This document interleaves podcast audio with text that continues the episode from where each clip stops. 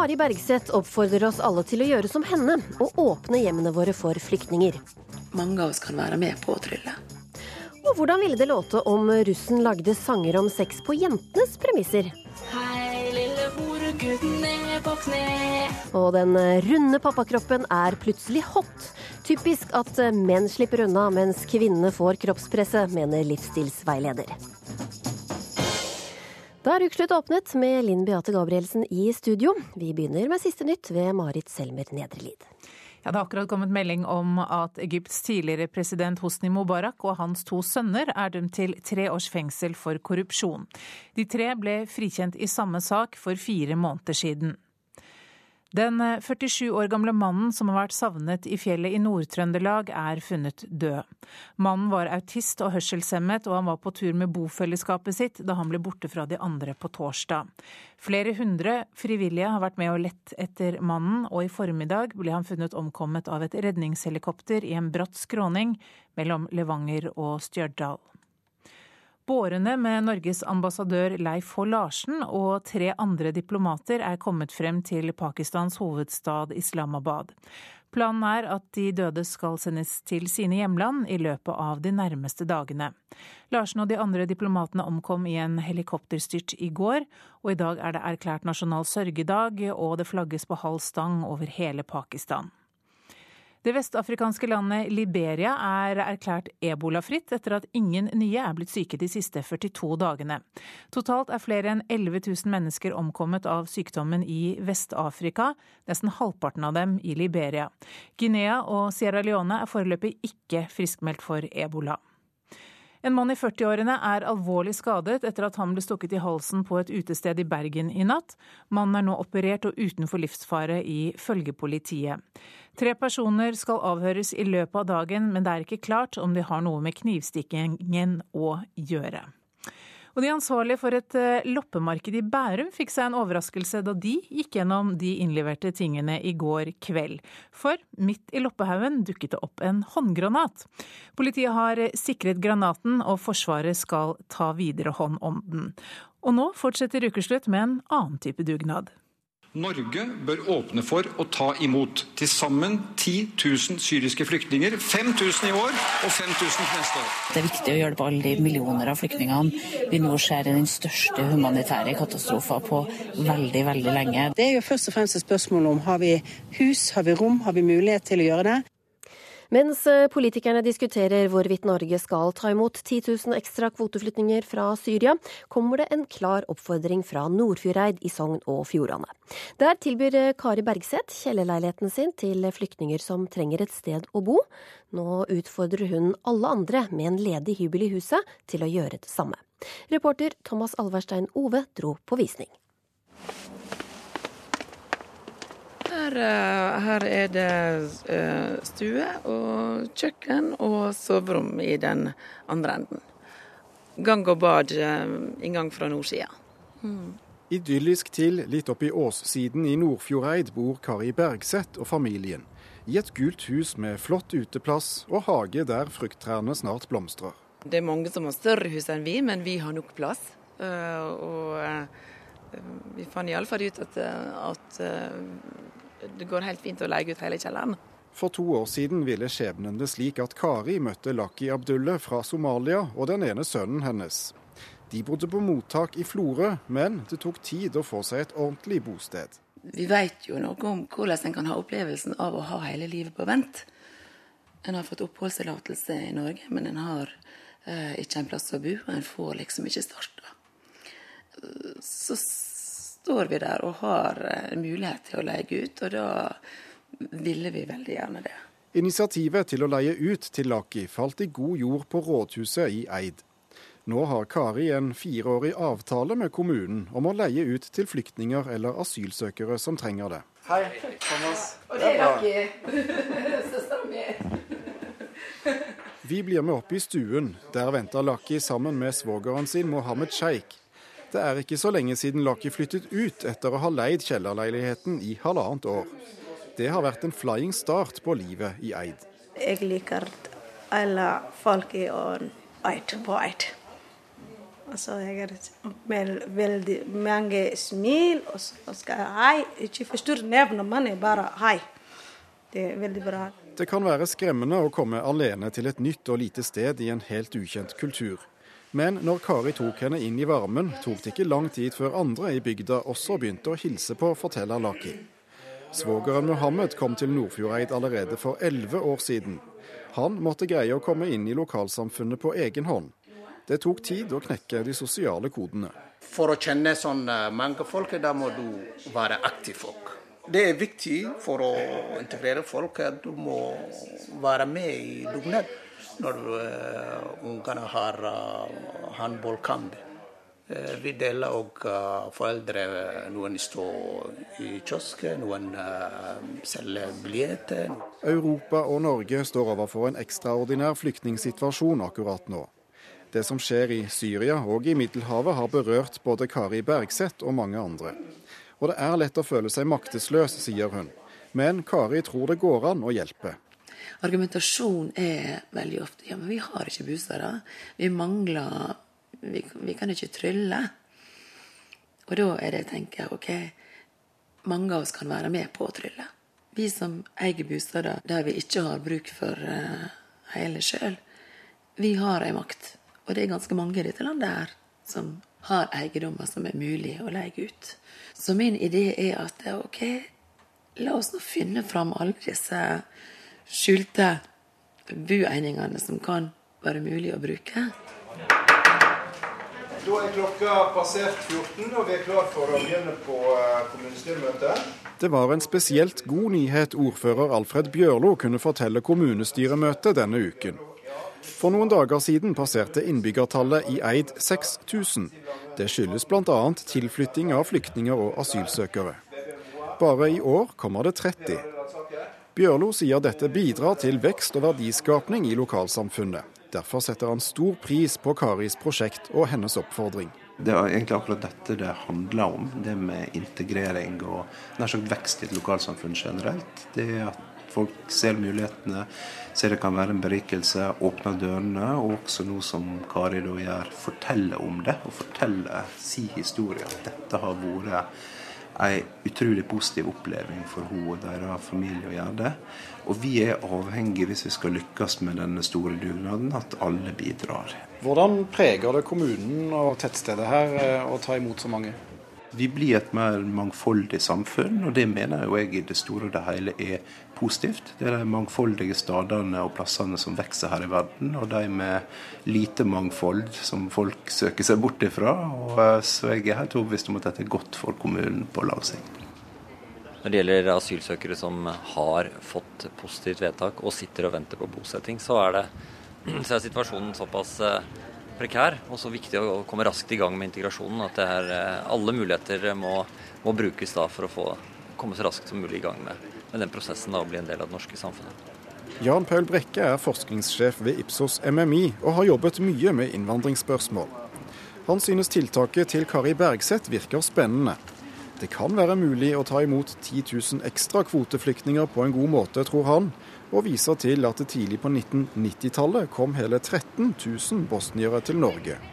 Det vi har sett tidligere, er at jo nærmere konflikten er, som flyktningene og asylsøkerne kommer fra, og jo tydeligere, synligere denne fluktbakgrunnen er, desto enklere og desto mer sjenerøse har den norske befolkningen vært, og desto enklere har det vært å få bosatt flyktninger og asylsøkere. Men her må man skille mellom asylsøkere og flyktninger, tror jeg. Når det kommer større grupper med flyktninger, sånn som det er gjort fra Bosnia på 90-tallet og på slutten av 90-tallet fra Kosovo, så var det ingen tvil hos den norske befolkningen om at disse menneskene trengte beskyttelse og hjelp og støtte. I det gule huset i Nordfjordeid har Kari vært på loftet for å hente frem den somaliske tradisjonelle klesdrakten hun har fått av Laki. Et grønt, kjoleaktig klede med blått sjal og skaut. Skal vi prøve den? Ja. og da var det ganske stramt, ikke sant? De har lært mye om hverandres kulturer av å leve så tett sammen. En berikelse for de begge to. Det er sånn i somaliske beste dame. Ja. ja. det er bra. Ja. Da er vi enda mer søstre. Ja. ja. Og Kari Bergseth har også skrevet et innlegg om dette på nrk.no ytring i dag. Vi skal eh, rett videre til eh, landsmøtet til KrF i eh, Trondheim. I går måtte KrF-tanta, som hun kalte seg selv, Dagrun Eriksen, holde landsmøtetalen, mens leder Knut Arild Hareide var hjemme og ventet på fødselen av sitt andre barn. Og Dagrun Eriksen, gratulerer med gjenvalget som første nestleder. Tusen takk skal du ha. Er det deilig å få skinne som leder en liten stund på dette landsmøtet?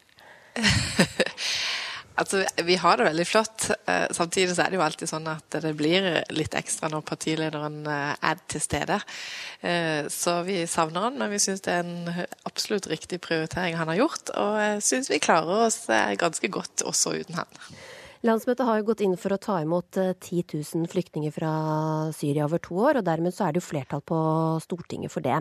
En annen sak dere er opptatt av, søndagsåpne butikker, det er ikke et forhandlingsspørsmål, sa du i talen i går. Men er dere like kompromissløse i flyktningspørsmålet?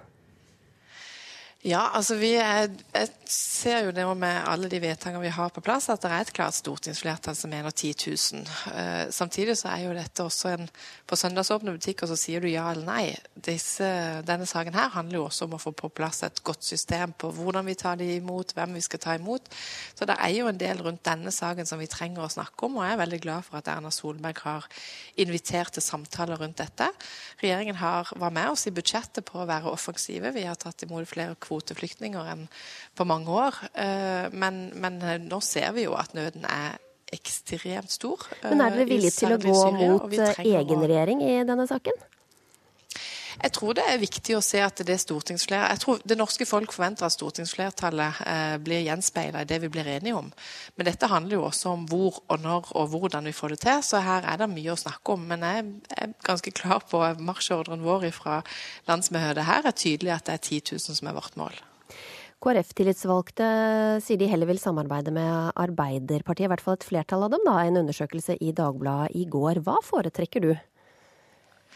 Nei, For meg så har det alltid handla om graden av sentrum. Eh, og det er det som blir viktig for meg. Og for meg så må nok Arbeiderpartiet mer enn å komme med et par taler hvor de mener de nå er kommet til enighet med oss på noen saker, eh, før de viser at de har flytta. Jeg, jeg, er jo KrF-tante, men jeg er jo litt gamlemor også. Jeg har vært med helt siden sentrumsregjeringen, så jeg husker nok et Arbeiderpartiet som har beveget seg ganske mye mer over på venstresida enn det vi ser nå. Eh, og så er det nok det uttrykket vi ser nå i dag. Men det er også en sånn Nå har vi et samarbeid med eh, Høyre og Fremskrittspartiet. Og at i noen saker, selvfølgelig også av respekt for Fremskrittspartiet, så blir en del av politikken trukket ut av sentrum. Og det frustrerer nok mange KrF-ere. Ja. Dere har jo ikke vunnet en eneste stemme på dette regjeringsarbeidet ifølge Nordfaktas meningsmåling for mai. Dere er på stedet hvil 5,6% Er det ikke da fristende å løpe inn i Arbeiderpartiets åpne armer?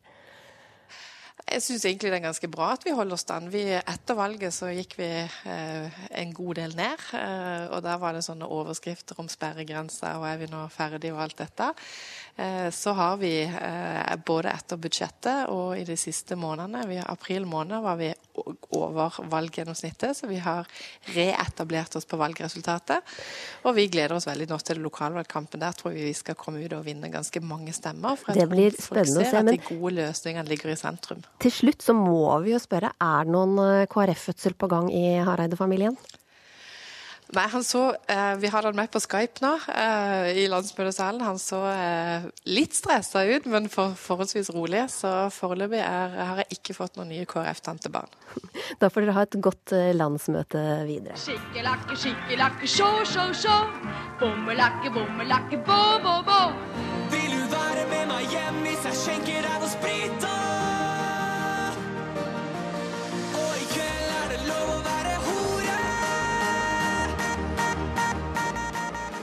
Skitne piker. Jeg har med en guddommelig gave til dere. Ja, skal vi til Fittefjellet?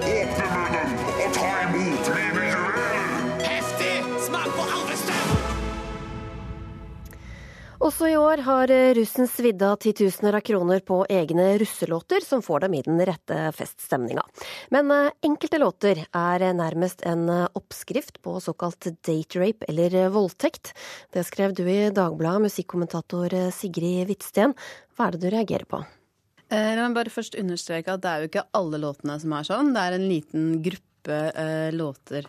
Eh, men det som eh, spesielt stikker seg ut i disse spesifikke låtene, det er det eh, at jenter altså Det beskriver et tekstunivers der jenter enten er horer eller luremus. Og det er kanskje det siste som eh, er mest bekymringsverdig, kan du si. Da, for at disse luremusene i dette tekstuniverset, eh, de må drikkes under bordet, for da blir de villige til å ha sex. De er altså ikke i utgangspunktet villige til å ha sex, men de på en måte skal skjenkes så fulle at de sier ja eller ikke er i stand til å si nei. Eh, Og det er det jeg mener. Denne, disse scenene, altså disse beskrivelsene av en festsituasjon, som mange i ettertid kanskje vil eh, oppfatte som et overgrep, det er det jeg reagerer på. Da. Cecilie Kjensli, sexekspert, får vi si. Tror du disse låtene oppmuntrer til eh, voldtekt? Nei, jeg tror nok ikke det. For det blir litt sånn som at eh, hvis man ser på voldsfilmer, så tror jeg ikke man løper ut og banker folk rundt seg for det. Eh, men jeg syns jo at Sigrid har poeng i at det er ganske usympatiske tekster, da. Det vil jeg si. Jeg syns det er liksom usympatiske beskrivelser av eh, festsexen. Eh, og når jeg kom over eh, denne låta, for det var vel sånn eh, det hele begynte For en ukes tid siden så var det da en eh, jenterussebuss som eh, gikk av som vinner i en konkurranse om hvem som hadde kjøpt den beste russelåta. Og så tenkte jeg at Det var så mange som var opprørt over språket. Og så tenkte jeg dette her må jeg høre på. Og jeg er jo en harry fra Bøler, så jeg syns jo det er gøy med griseviser. Men det som jeg reagerte på, det var jo nettopp eh, teksten. At jenter har bestilt en låt, og hva er det de synger om, liksom? Jo, det er eh, store pupper og ned på kne og, og billige jenter, og så er det i tillegg en eh, gutt som synger. Men du mener det ikke har noen sånne konsekvenser for voldtekt f.eks. i russetida? Altså, Det kan jeg ikke si sånn 100% men jeg tror nok ikke det. Eh, For jeg tror mer om ungdommen enn som så, at de klarer å, å skille. Eh, Men som sagt, jeg syns jo det er eh, usympatisk. Men jeg syns jo det er gøy med drøye tekster. Men jentene må mer på banen og, og, og skrive og komme med sine ting selv og se fra sitt perspektiv, da. Uh, en av jentene på den bussen som, som, som vant, sier at det er ikke sånn at vi ønsker oss det som uh, synges i teksten. Det er liksom bare humor. Er det så farlig da, Sigrid Wittstrand? Er det så farlig? Eh, Det er jo et veldig godt spørsmål, fordi i utgangspunktet så burde det jo ikke være det. Jeg håper virkelig, som Cecilie sier, at eh, ungdommen klarer å eh, skille skitt og kanel. Men det som bekymrer meg litt i akkurat denne situasjonen her, da, det er at denne musikken pumpes ut over høyttaleranlegg i situasjoner og settinger hvor jenter faktisk er eh, mer sårbare enn vanlig. Altså En russetid er ganske, en sårbar periode for en jente. Eh, man skal helst eh, være i et ganske trygt miljø. Eh, og, og da er det litt kanskje, kanskje det blir vanskeligere for noen eh, å si nei når de egentlig mener nei. Eh, når det ropes i, lov, 'i dag er det lov å være hore' over høyttaleren. Det skapes kanskje en forventning til noe mer som ikke alle nødvendigvis er villige til å gi. Da. Og Dessuten så er det jo også slik at uh, populærmusikk, populær er utrolig mye. Eh, men det er også et slags speil eh, på den kulturen den oppstår i. Og da lurer jeg litt på hvordan er det egentlig denne russkulturen er? Og håper egentlig at russen tar denne debatten som har oppstått eh, i løpet av den siste uka, som et utgangspunkt for å diskutere innad hva slags ytringer det er greit å akseptere fra andre, fra sine medruss.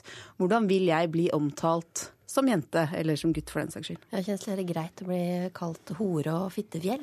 Nei, altså jeg syns jo det er Som sagt, jeg synes det er jo ustilig, og teksten er jo dårlig, men altså, jeg er jo godt voksen, så jeg kan jo ikke ta russen for at de har litt Tourettes og løper rundt og sier bæsj tiss på et litt uh, høyere nivå. Uh, det som er litt snodig, er jo produsenten av disse låtene heter jo også Tix, er det ikke det, det de med Tourettes har? At de har behov for å, å, å, å si stygge ting. Uh, så egentlig så det er ikke det seksuelle innholdet, men jeg skulle bare ønske at jentene kunne beskrive hva de egentlig vil ha ut av en, en sånn sexfest. altså Det er jo det som er, altså Jeg er jo ikke mot eh, seksuelt innhold, eller til og med ganske eksplisitt seksuelt innhold i musikk. Det er bare det at i disse, disse låtene så er det veldig enveis. da.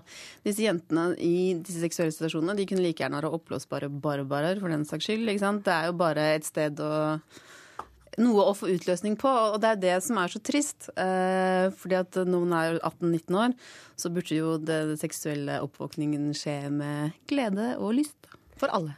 Kjensli, hvordan kunne teksten ha vært på jentenes eh, premisser? Jeg lagde jo et uh, forslag til en tekst, da, for jeg tenkte at uh, hvis jentene trengte litt drahjelp for å være drøye, så kunne jeg jo kanskje bidra med noen. Som, uh, og i går så la jeg ut et forslag på Facebook og i bloggen min, sånn type sånn Hei, lille horegutt, ned på kne. Sleik meg til jeg squirter i din GHB. Du kan slappe av, jeg skal ikke røre lille tassen. Bend over, pappagutt, så skal du få en plugg i rassen. Vi har tatt oss friheten med å spille inn en liten russelåt på teksten din, Cecilie. Oh, wow. Og akkurat som russekomponistene så har vi heller ikke lagt altfor mye arbeid nøye i det. Hør her. Hei, lille horegutten ned på kne. Sleik meg til jeg spurter i din GHB. Du kan bare slappe av, jeg skal ikke røre lille tassen. Bend over, pappa gutt, du får en plugg i rassen. Hei, lille horegutt ned på kne. Sleik meg til jeg spurter i din GHB. Du kan bare slappe av, jeg skal ikke røre lille tassen. Bend over, pappa gutt, du får en plugg i rassen. Ja, hva syns dere? Er dette et eh, bedre alternativ for jenterussen? Jeg håper at det kommer noen sånne låter neste år. Ja, jeg syns jo det er strålende, men jeg må jo også bare si at jeg har jo ikke skrevet denne sangen ferdig, da. Det var jo planen. Jeg hadde jo liksom tenkt å, å runde det av, ikke for å være politisk korrekt, men det det handler om er at liksom Kom igjen, gutta. Nå, vi må bare først jekke dere ned. Og når vi har satt dere på plass, selvfølgelig skal alle få være med. Fordi at dere kan kalle oss horer og alt det der, men uh, vi er jo ikke billige, vi er jo faktisk gratis. Hvis dere oppfører dere ganske ålreit. Da gleder vi oss til å høre den eh, låta neste år, forhåpentligvis. Tusen takk skal dere ha. Heng med, så skal du få bli med på dette i ukeslutt. Russerne feirer seieren over nazistene i dag, men Norge takket nei til å være med. Det sårer russere flest, mener russiske Evgenia Egorova. Van Gogh pluss Munch er lik sant på Munch-museet, og Ukeslutts panel lærer deg ting du ikke visste om kunst. Skrik er et spøkelse med lange kaninører som peker ned.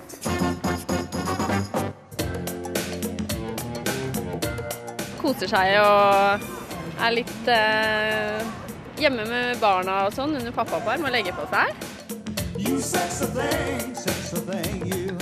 Jeg har sett det at det er blitt trendy med pappakroppen.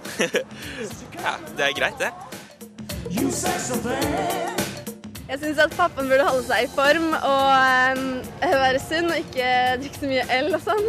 Helt enig. Jeg syns faktisk at mannen burde trene og holde seg i god form og være et fint forbilde for dama si. Og ikke drikke øl og vise henne hvordan det er å være en god far og med en god kropp.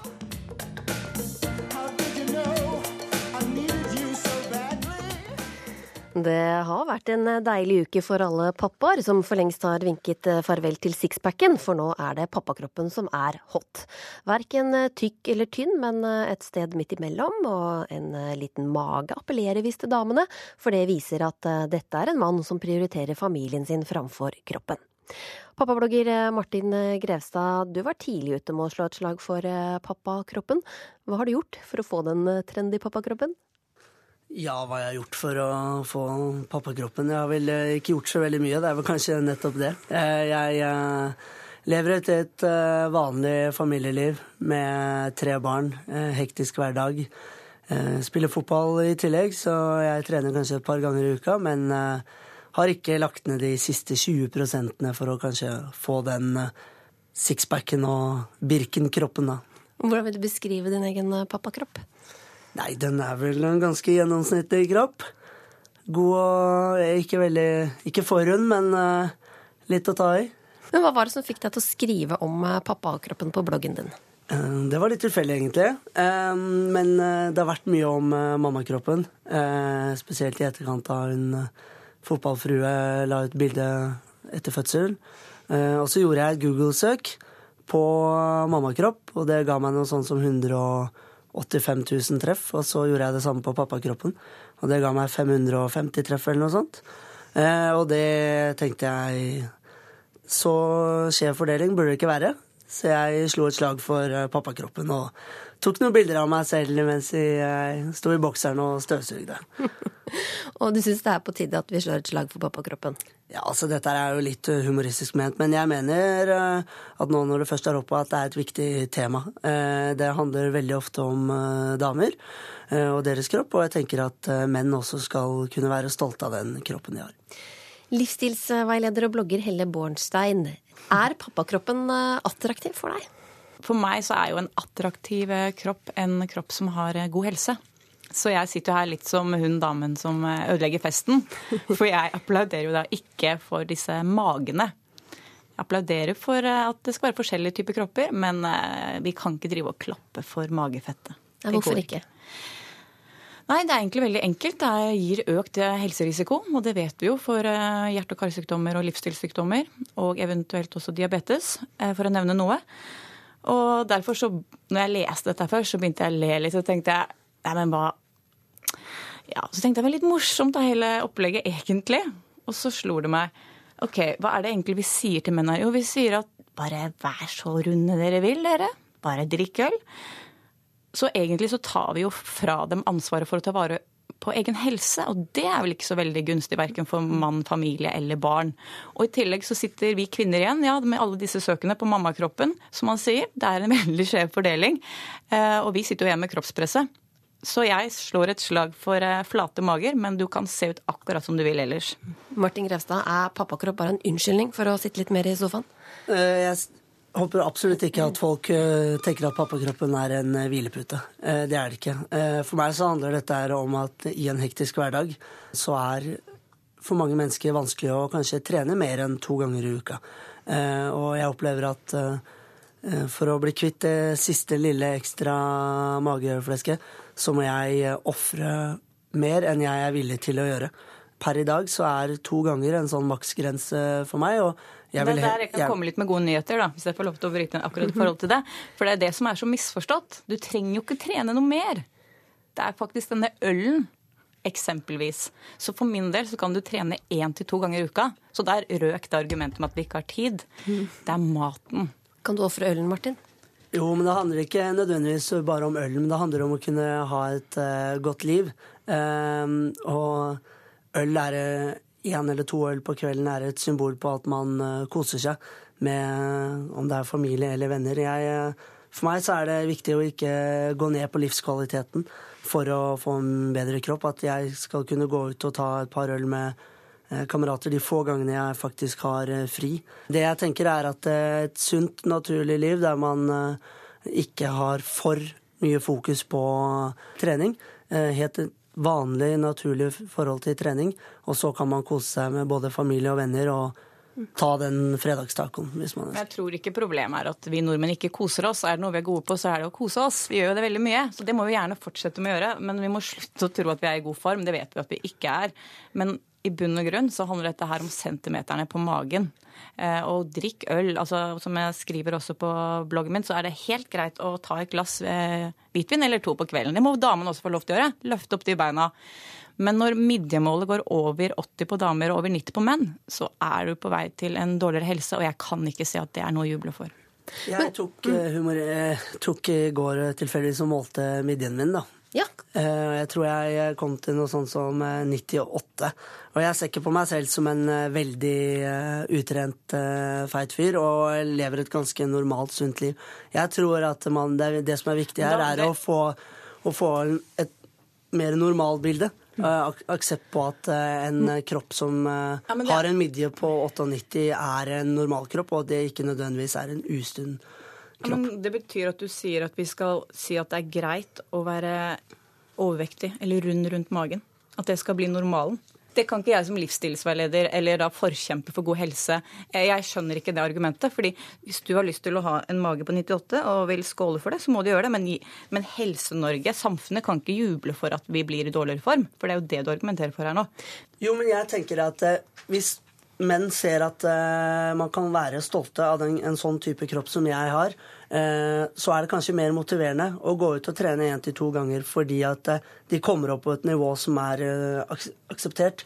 Men hvis det man hele tiden streber etter, er en eh, vaskebrettmage Det gjør vi ikke.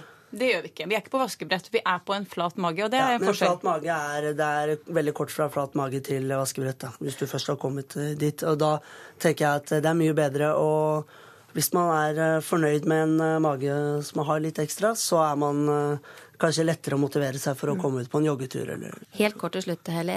Litt trening, er ikke det bedre enn ingenting? Litt trening er veldig bra, og noen enkle matvalg som å spise med grønnsaker og med proteiner og litt mer karbohydrater. Og så må du kose deg med vin og øl litt i helgen. Det er lov. For første gang på over eh, 100 år så stilles verkene til Edvard Munch og Vincent van Gogh ut sammen, og det skjer på Munch-museet i Oslo.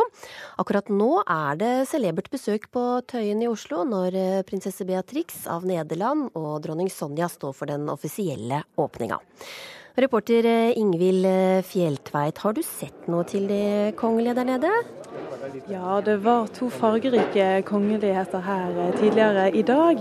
De virket begge to veldig fornøyde med det de så. De var i godt humør, og begge to spøkte og så ut som at de hadde det veldig hyggelig. Hvilke godbiter av van Gogh er det Munch-museet har fått låne, da? De har fått låne Det gule huset, Stjernenatt over Rån og Potetspiserne, for å nevne noe. Og i tillegg så er det jo da mange av Munch sine mest kjente malerier som henger sammen med van Goghs eh, malerier. Og Hvorfor er akkurat eh, disse to kommet sammen? De har kommet sammen fordi at de begge to var eh, De levde på samme tid, og de regnes av mange som fedrene til det moderne kunst, ble de kalt i en del av talene i dag. Og vi kan jo spørre deg, eh, museumsdirektør Stein Olav Henriksen. Er du overrasket over at det er så mange som har kommet eh, for å se utstillingen i dag? Nei, ikke egentlig. Jeg har jo sett at det har vært en veldig stor interesse for dette på forhånd. Eh, Så vi har jo ventet stort besøk. Så håper jeg vi at det sprer seg jo selvfølgelig utover. Vi skal holde på helt til 5.9. Men vi har hatt andre utstillinger her også nå med, stort besøk og lange køer. Så jeg vil jo oppfordre folk om å kjøpe billett på forhånd, for det kan de nemlig nå på Munch-museet. Dere har jo kalt dette årets eh, kunstbegivenhet. Hvorfor det? Det er klart at det å få til en utstilling med van Gogh og Munch-verk på det nivået her, og ikke minst også andre kunstnere eh, som har en referanse til eh, Edvard Munch eller van Gogh eller den forbindelsen, eh, det hadde vi ikke klart uten eh, at van Gogh-museet i Amsterdam og vi sammen har vært rundt og lånt verk fra nærmest hele verden. Vi har jo nesten 30 forskjellige eiere bak disse verkene. Så det er jo et enormt eh, arbeid som ligger bak, og antagelig så er det den mest komplekse utstillingen i museets historie. Og En av de som har vært og sett utstillingen eh, allerede, det er deg, Kirsten Bergesen. Hva var det du hadde gledet deg mest til å se her i dag? Eh, Det var å se sammenstillingen av de to kunstnerne. Som jeg syns er veldig spennende, og som jeg har jobbet med i flere år i klassene som jeg underviser. Og det å få se dem i virkeligheten, og ikke bare forholde seg til eh, bilder i bøker eller på skjerm, men å se dem i virkeligheten og se fargene, det syns jeg var gøy. Ja, kan du beskrive litt hvilke bilder du særlig satte pris på? Det aller fineste å se var potetspiserne, som jeg bare har sett i et 10 ganger 10 cm bilde tidligere. Altså få se det i virkeligheten, hvordan det faktisk så ut. Det var så mange som har vært fornøyde med det de har sett her på Munch-museet i dag. Og denne utstillingen den kan man altså se frem til eh, 6.9. Eh, Så da er det bare å ta turen til Munch-museet på Tøyen i Oslo. Da får dere hygge dere videre der nede på Munch-museet, hvor det også var veldig mye skraping med, med stoler.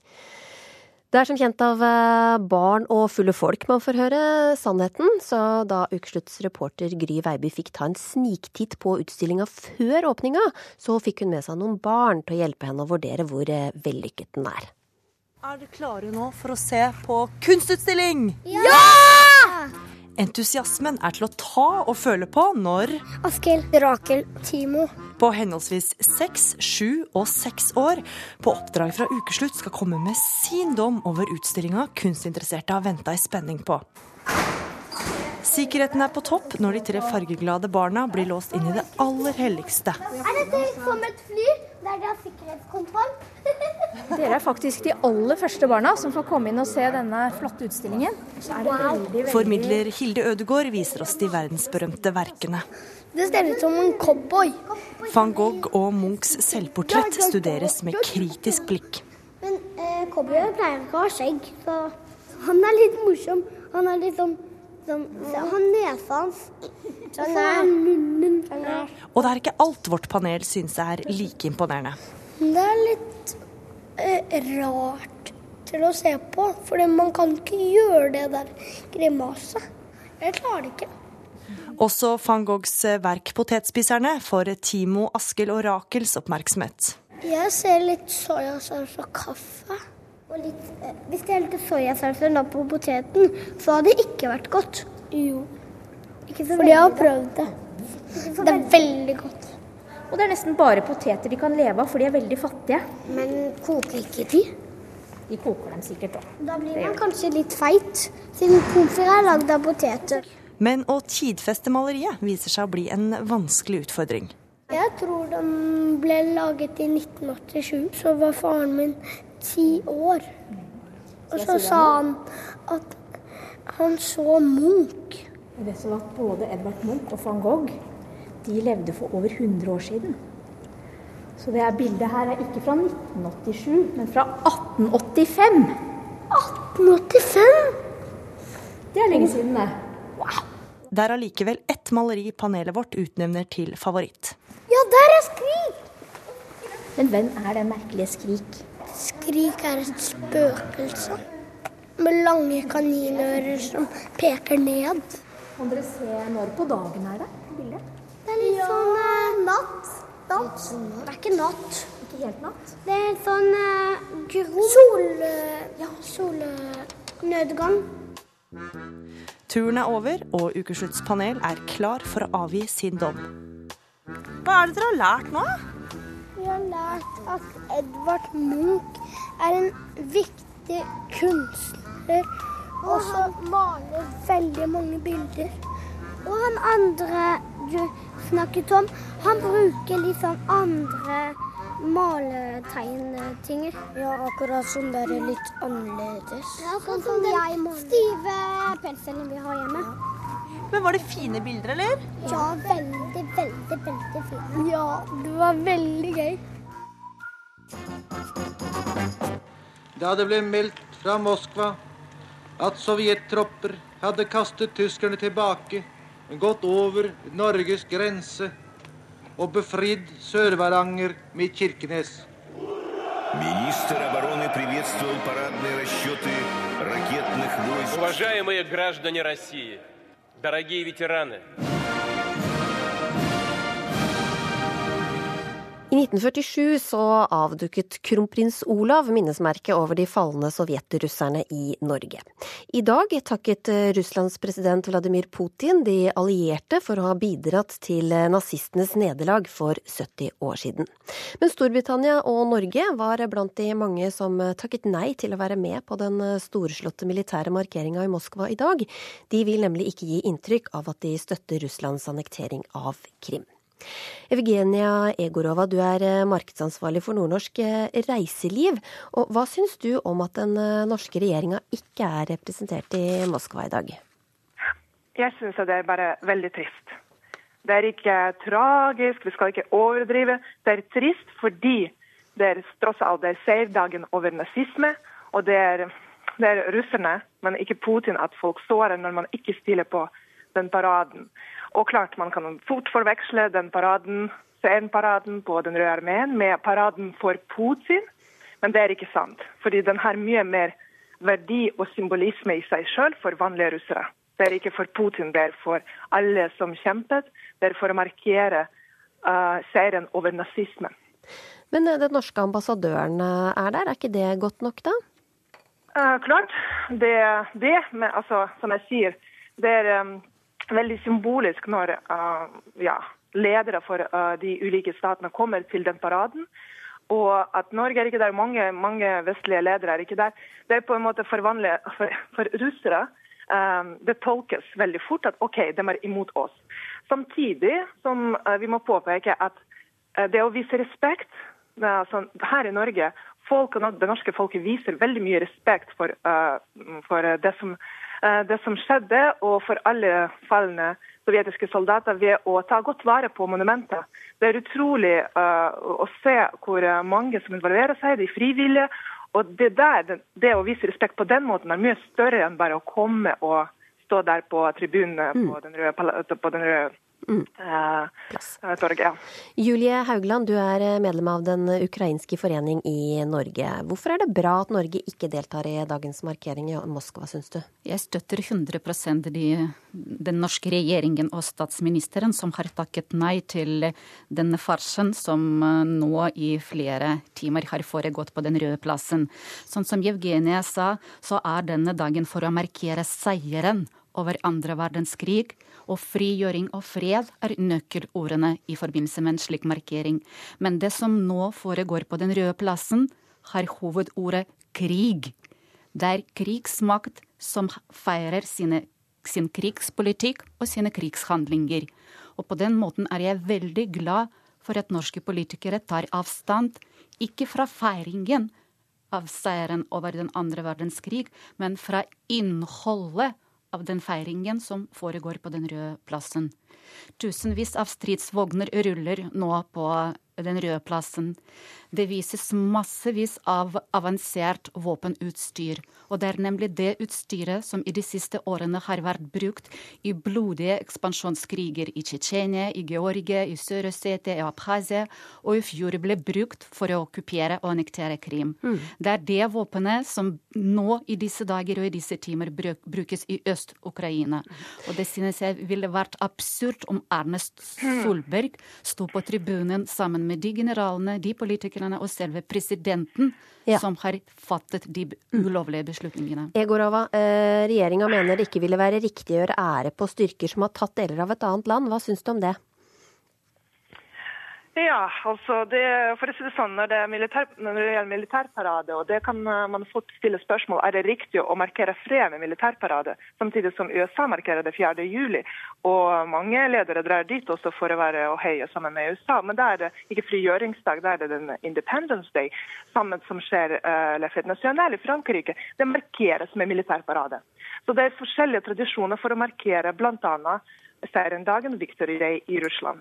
Så å si at vi, vi drar ikke dit fordi den viser frem det som eh, ble brukt i militære konflikter, blir ikke riktig, fordi da må Norge ikke dra på noen andre militærparader òg, fordi altså, vi vet at mye av det som amerikanere viser frem, bl.a. brukes i Afghanistan. Mm. og, og så I andre konflikter. Så her er det mye større enn å bare eh, ignorere. Og pluss at det med eh, Dessverre, men politisk er veldig dobbelt og trippelmoralsk. Altså ett år kommer vi ikke, annet år kommer vi. Og Det er derfor jeg mener at Norge, av alle land, egentlig kunne være der uten å bli misforstått. Fordi Norge kan gi fredspris til en dissident i Kina, og, vi, og vet veldig godt hva, hva de risikerer, samtidig som de gjør det fordi rett skal være rett. Og, og sammen, altså, Norge, altså, Du så hvordan det var med Breivik-rettssaken. Altså, rett skal være rett. Han skal få rett, rettferdighet.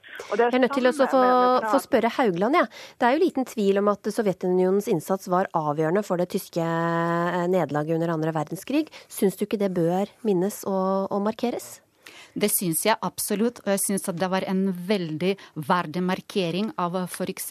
frigjøring av Øst-Finnmark i fjor i, i oktober i Kirkenes. Og der var russiske toppolitikerne til stede, og der var Arne Solberg og vår konge til stede. Og de heiret de heroisme, de hedret heroisme, og de uttrykte sin takknemlighet overfor den røde armeen som spilte nøkkelrolle i frigjøringen av uh, Øst-Finnmark. Og det syns jeg er verdige markeringer av andre verdenskrig. Kort til slutt så har jeg lyst til å spørre dere, Egorava, eh, hvilke konsekvenser tror dere får for Norges forhold til Russland da, at Norge ikke deltar i dag?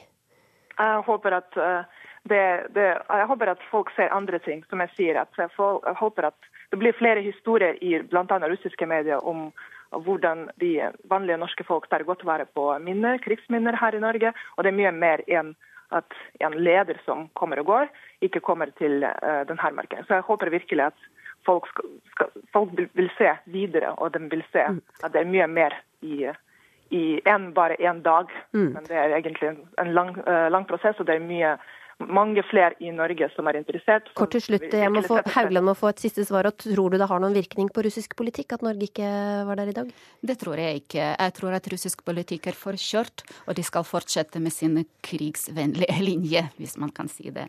Og det, det siste ordet vil jeg bruke på takke den norske regjeringen og det, det norske folket for full forståelse for den dramatiske situasjonen i Ukraina og støtte som Norge har gitt til Ukraina.